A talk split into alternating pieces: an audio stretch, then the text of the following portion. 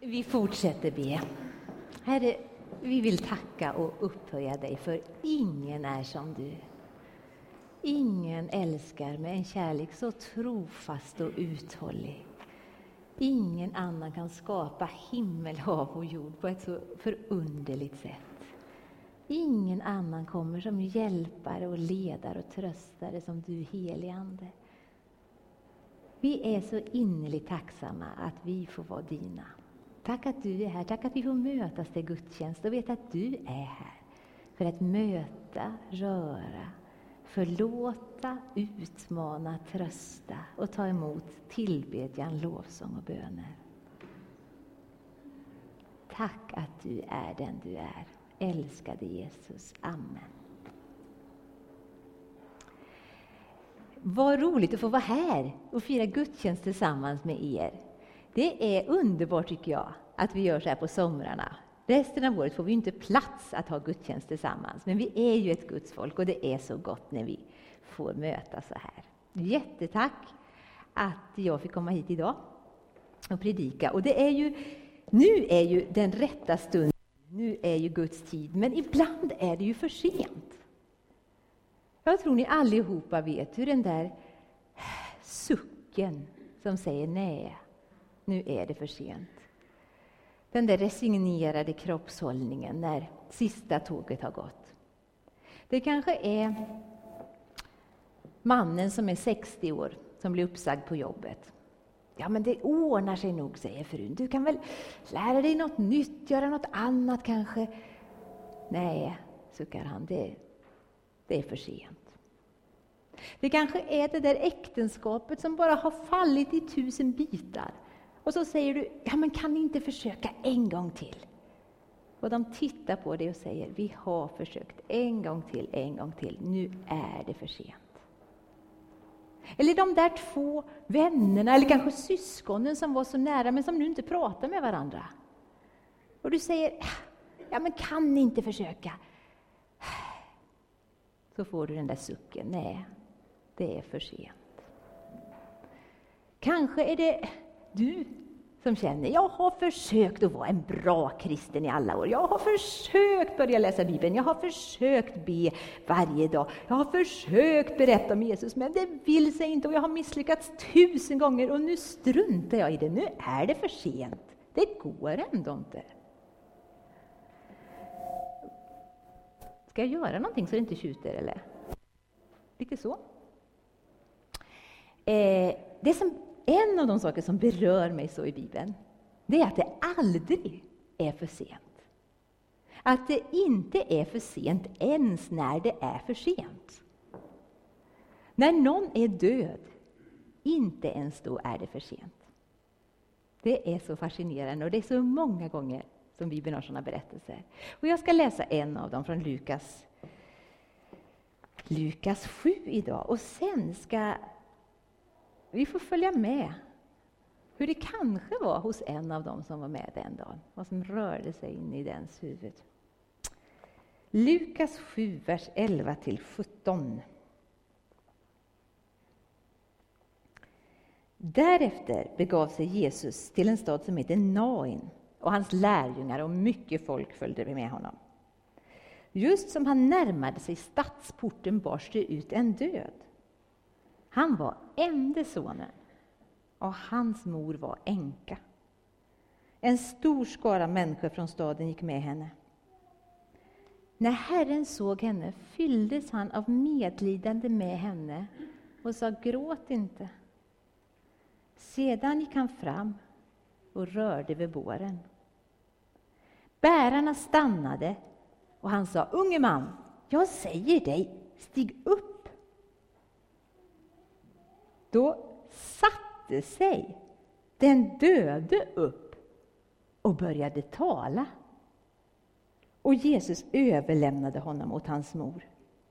De fylldes alla av fruktan och prisade Gud och sa, en stor profet har uppstått ibland oss och Gud har besökt sitt folk. Detta tal om honom spred sig i hela Judeen och landet däromkring. Amen.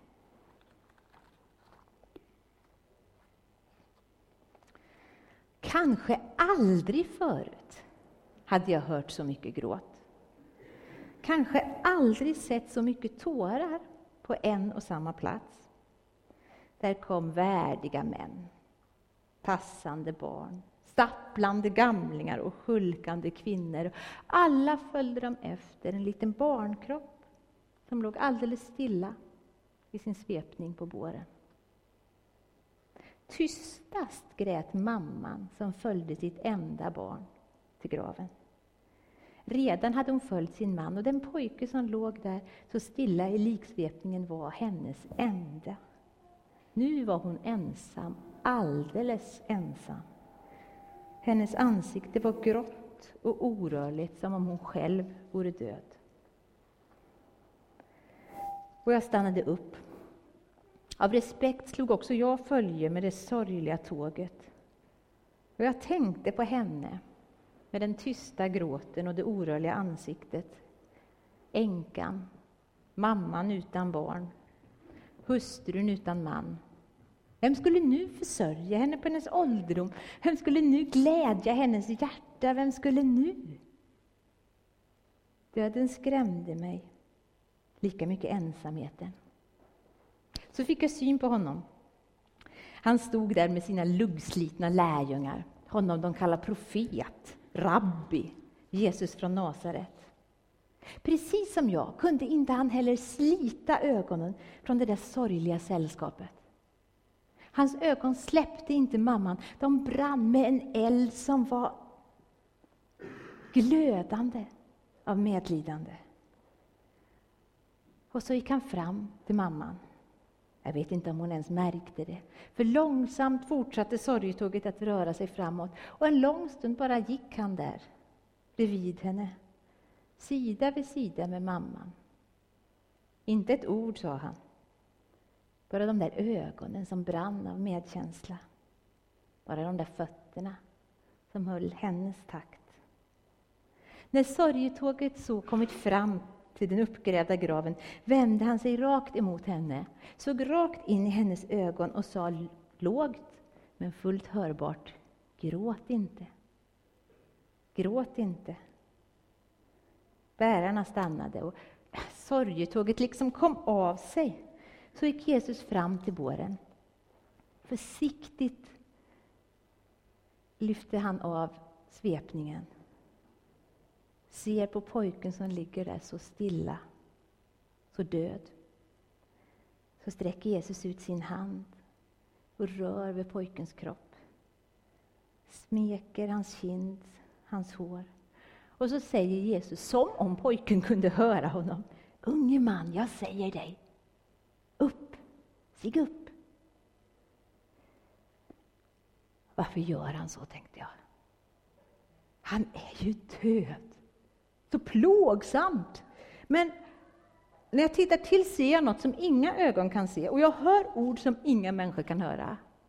Den döde, eller den före detta döde, eller den där lilla pojken som låg på båren, den där lilla kroppen som låg så stilla och död, den är inte stilla längre. Han sitter och han talar med Jesus. Och jag hör inte vad de säger, men de talar med varandra. Han lever. Och så går Jesus fram till henne, hon som var alldeles ensam. Man, kvin, frun utan man, mamman utan barn. Han tar hennes hand och tillsammans går de fram till båren, de där tre, fyra stegen. Och pojken hoppar ner och landar rakt i hennes famn. Levande. Omkring mig stiger sorlet till ett bedövande oväsen. Gråten som ekat förvandlas till sånger och skratt och kramar. Det rinner fortfarande tårar, men nu smakar de glädje. En stor profet har uppstått ibland oss, jublar en krokig och böjd gammal gubbe. Gud har besökt sitt folk, skrattar en tonårstös. Och jag ser allt, men jag står alldeles stilla. Jag varken sjunger eller dansar. Jag är som förstenad. För när jag såg detta väcktes i mig en längtan, ja, mer än en längtan, ett begär, en hunger. Så mycket inuti mig som har dött, förtorkat, Så kall min kärlek blivit. Så mycket likgiltighet som vuxit inuti mig. Min tro liknar ett träd utan vatten och min livslust så torr. Alla visionerna, alla drömmarna som bara fallit, spruckit, tynger axlarna. Och jag längtar, jag längtar mer än något efter hans hand. Att den skulle röra också vid mig som han rörde vid den döde pojken. Om bara Mästaren la sin hand på mig skulle hans liv Föra in i mig också, tänker jag. Om bara hans hand rörde vid mig skulle min kärlek kunna brinna på nytt. Om hans hand rörde vid mig skulle min tro kunna skjuta friska skott. Och barmhärtigheten, villigheten att tjäna skulle vakna igen i mitt hjärta. Orörlig stod jag i den dansande hopen. Tyst i den jublande folkskaran och bara längtade. Och jag märkte inte att någon stått vid min sida en lång stund. Lika stilla som jag. Lika tyst. Förskräckt tittade jag upp. Det är ju han! Och utan att säga ett ord ser jag in i hans ögon som är fulla av medlidande, fulla av medkänsla. Och de brinner av en kärlek som inte väjer för någonting. Och så lyfter han sin hand, lägger den på mitt huvud och välsignar mig. Och himlen landar. In i mitt livs torka strömmar levande vatten. In i mina besvikelser kommer tröst och hopp. In i uppgivenheten andas han mod. In i fegheten andas han frimodighet. Och in i allt kommer hans kärlekseld. Han rör vid mig. Herren Jesus Kristus lägger sin hand på mitt huvud, förlåter min synd bara stryker bort den från min panna. Välsignar det trasiga och krokiga och starka som är mitt liv. Och det gör ont. Det svider. Men han helar mig och han lyfter av bördorna som tyngt axlarna alldeles för länge.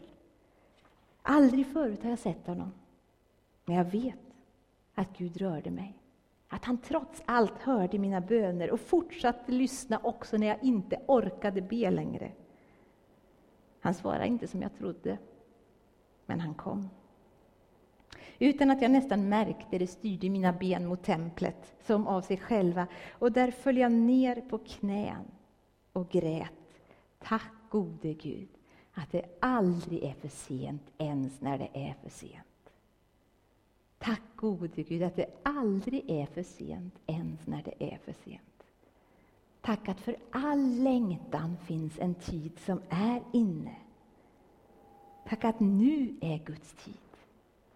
Nu är frälsningens stund. Gud har besökt sitt folk.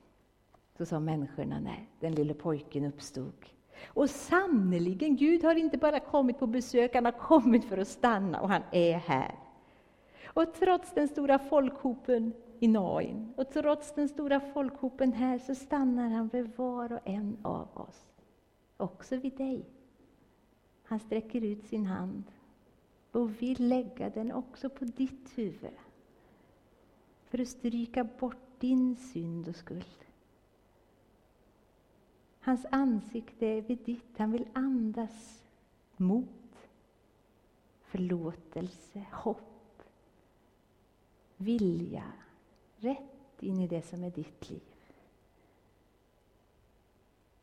Herren är här och säger, var inte rädd. Följ mig. Vi ber igen.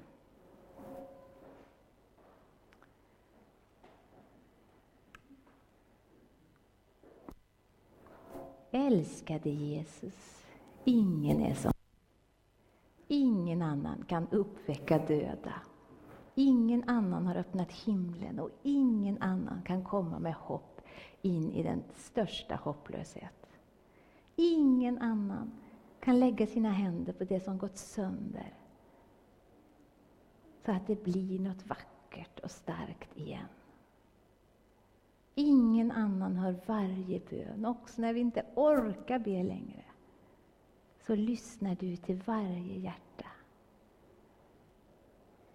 Nu vill jag särskilt lyfta upp de av oss som tycker att det är för sent.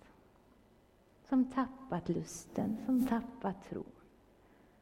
Som tappat tron att du vill använda dem. De kanske stannat och fastnat i bitterheten, i sorgen, i självföraktet. Herre, lägg din hand på var och en. Se in i vars och ens ögon med din blick som glöder av en kärlek som aldrig ger sig. Och jag ber för oss alla, vi småtrötta, småivriga. Kom Herre, gör något vackert av våra liv. Låt vår tro skjuta friska skott och låt den bära Andens frukter.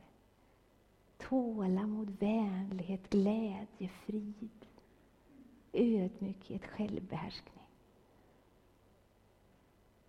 Låt våra kyrkor i Tibro få bli platser som bara pulserar av hopp och räddning. Lägg din hand på våra församlingar Låt dem bara få leva och behaga dig och dofta väldoft som sprider sig över Tibro.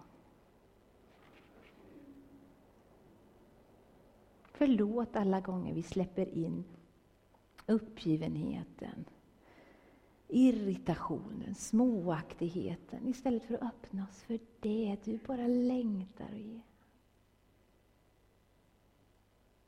Välkommen Mästare idag in i våra hjärtan. Amen.